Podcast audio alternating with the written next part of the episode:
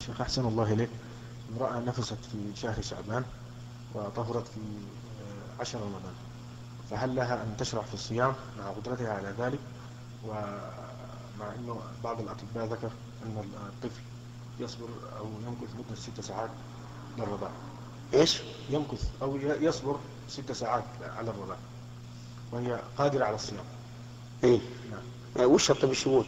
نعم إنه الطفل يمكن يتحمل ست ساعات للرضاع ليش؟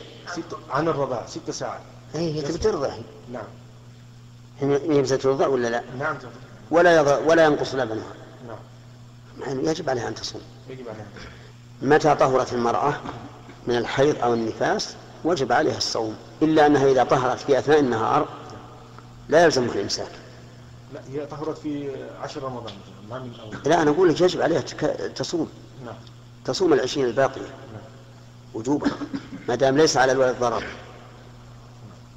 لكن كما قلت إذا إذا طهرت في أثناء اليوم نعم. لم يلزمها الإمساك تبقى مفطرة لا هي ولا الحائض حتى الحائض لو طهرت مثلا في نصف النهار تبقى مفطرة تأكل وتشرب وهذا اليوم سيقضى على كل حال وإن كانت غير قادرة يعني القادر مثل غيرها مثل العاجز